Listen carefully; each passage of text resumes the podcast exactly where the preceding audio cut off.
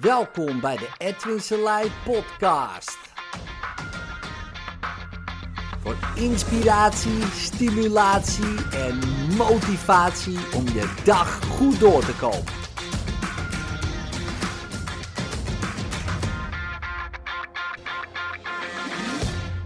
Ladies and gentlemen, uh, ik heb net geëxamineerd voor de, uh, de master practitioners bij ons, de hypnose.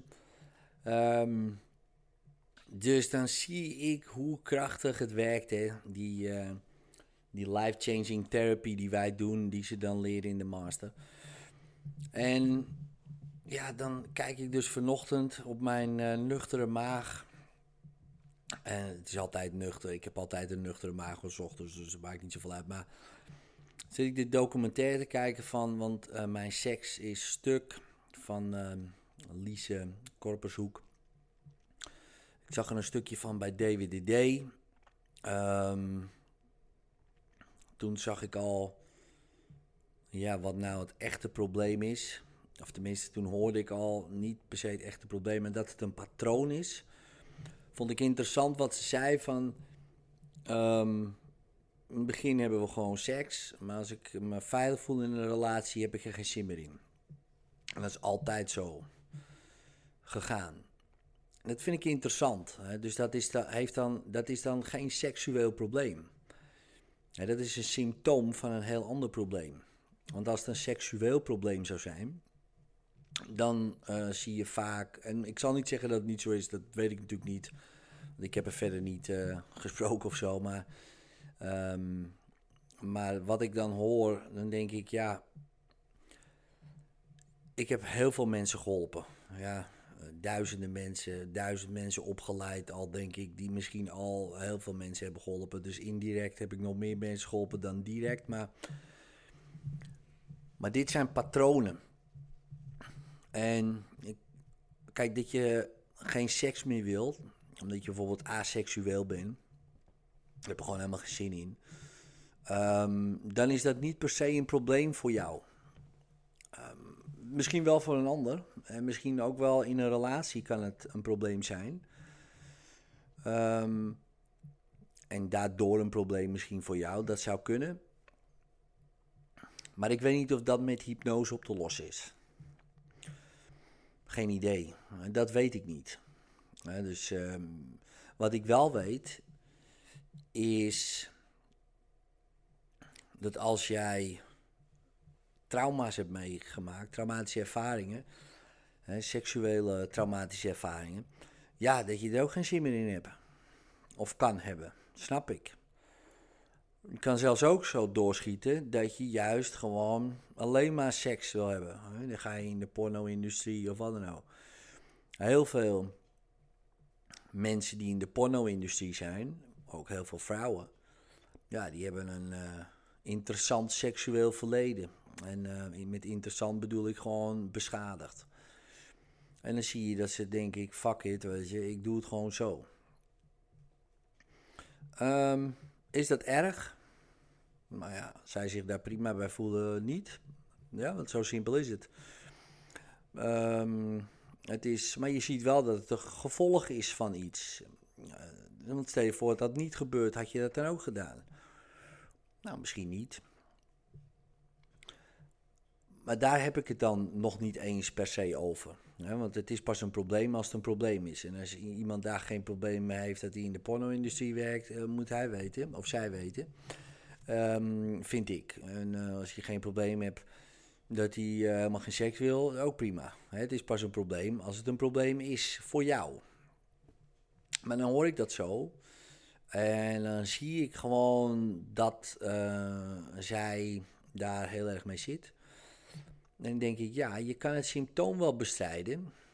Dus geen zin in seks hebben. Dus dan gaan we lingerie passen. We gaan, hè, dus het zit in die docu dan. We gaan um, kijken hoe mijn lichaam wel functioneert of reageert op seksuele prikkels. Nou, dat gebeurt. Nou, oké, okay, prima. Um, we gaan mijn moeder confronteren. We gaan een klasje doen. Kijken tot hoe ver ik kan gaan. En mijn grenzen aangeven externe uh, oplossingen, externe oplossingen zoeken. Nu, hè, voor het nu, nu, voor een intern probleem van vroeger. En het interne probleem van vroeger is niet het probleem van nu. Dat probleem van nu is een symptoom. En dat zien wij nou, 99 van de 100 keer uh, bij ons in de praktijk. Het probleem nu is niet het probleem waar het nou echt om draait. Het probleem waar het echt om draait, zag je mooi in die docu tussen moeder en dochter uh, ontstaan. Um, zij wil iets van de moeder, wat de moeder er nooit gaat geven. En ook al geeft die moeder het, dan is het te laat. Dat had ze eerder moeten doen, maar dat is al gepasseerd. En het mooie is wat wij doen met life-changing therapy. Gaan terug naar het moment waarin het eigenlijk had moeten gebeuren en dan gebeurt het. En dan zie je iemand bevrijd raken en dan zie je de symptomen oplossen. dat zien we zo vaak gebeuren. En nu ook weer. Ja, nu uh, examineer ik en uh, mensen brengen een probleem in. En het probleem is niet het echte probleem. Ik ben bang in het donker. Als ik in het donker ben, dan ren ik naar de auto. Ik ga in de auto zitten, alle dingen op slot. Wat dan? Ik wil gewoon overzicht. Het moet allemaal duidelijk zijn. Ik wil me veilig voelen. Oké, nou, dan kunnen we gaan praten. We kunnen externe oplossingen zoeken. Hier neem een zaklamp mee. Doe dit aan. Doe een lamp op je hoofd. Uh, weet ik veel. Ga ademen. Neem een ijsbad. Whatever. Wij doen die life-changing therapy. Diegene komt terecht. Drie jaar. Komt in de slaapkamer. Broer ligt onder het bed. Die gooit iets onder het bed vandaan laten schikken. Dat was het. En sindsdien, nu, ja, en dan hebben we het over iemand van dik 40 plus, altijd bang in het donker. Maar dat was dus niet bang in het donker, bang voor wat er kan gebeuren. Want daar onder het bed was het donker en opeens komt er iets uit vandaan. En dat is door het onbewuste opgepakt als trigger gaan generaliseren in het hele donker. Weet diegene dat nog dat het gebeurd is? Nee, want die was drie en dat ben je vergeten. Nou, en dan zie je dan heel vaak gebeuren. En dan kan je je zaklamp aan gaan doen. Je kan niet meer naar buiten gaan in het donker. En sterker nog, nu wordt het steeds eerder donker. Uh, dus diegene kwam al bijna niet meer naar buiten. Ja, je, je leven wordt steeds uh, nou ja, laten we zeggen, korter. Hè, naarmate het, het licht ook minder vaak schijnt overdag. Dat is zo fascinerend als je dan teruggaat. Dat er iets heel anders aan ter grondslag ligt dan wat je meteen zou denken. Het had niks met, heel donker te maken, met het donker te maken. Ja. En dat is met dit ook niet zo. Het heeft niks met seks te maken. Niks. Helemaal niks. Dat is een symptoom. Ja, dat, want het gaat veel verder terug. Het heeft er niks mee te maken. Het is een uitwassing van. En dan kan je daar um, een hele docu over maken. Wat natuurlijk prima is en goed is, omdat het mensen, nou ja, laat nadenken over ja, hoe zit het bij mij en het bespreekbaar maken van. En dat uh, vind ik sowieso altijd goed uh, om te doen. En trouwens, wat ik ervan vind, is natuurlijk totaal irrelevant. Uh, dat snap ik ook wel. Maar, maar mijn mening is, ik vind het prima en goed. Maak het maar bespreekbaar. want het zijn echt wel lastige onderwerpen om, om over te hebben.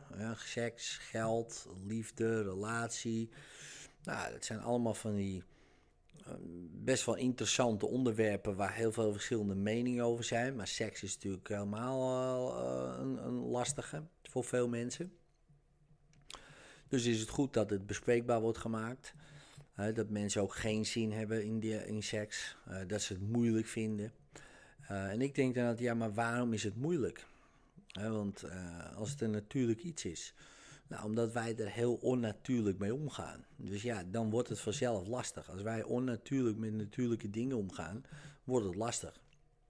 Kijk maar gewoon om je heen in de wereld. We gaan onnatuurlijk om met natuurlijke grondstoffen en ja, we creëren problemen. Om het maar even macro-niveau te bekijken.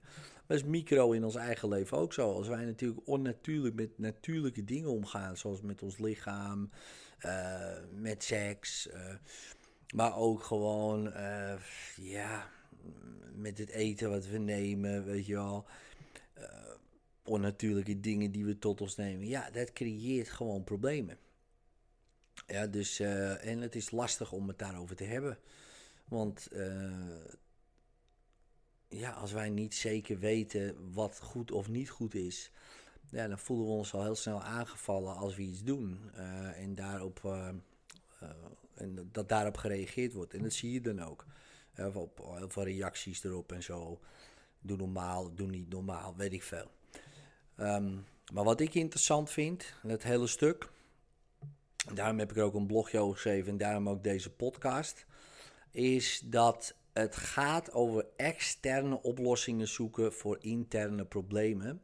Maar niet eens interne problemen nu, die nu spelen, alhoewel ze spelen nu wel. Maar die ontstaan zijn vroeger en waar waarschijnlijk totaal de koppeling niet wordt gemaakt door de persoon zelf, omdat hij dat gewoon niet meer weet.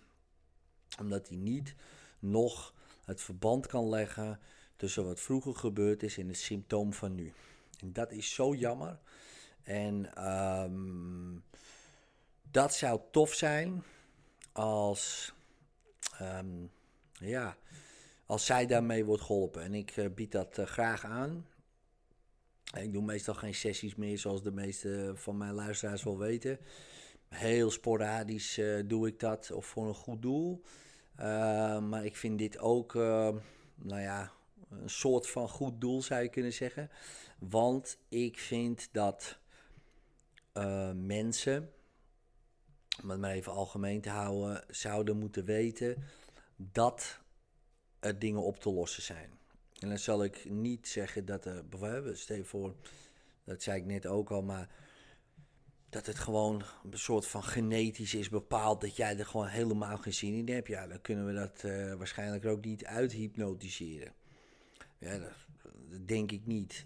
weet ik niet. Dus, uh, geen idee. Want wat is genetisch, wat niet. Maar, uh, maar dit, wat ik nu hoorde, dat patroon en de zoektocht die iemand dan onderneemt.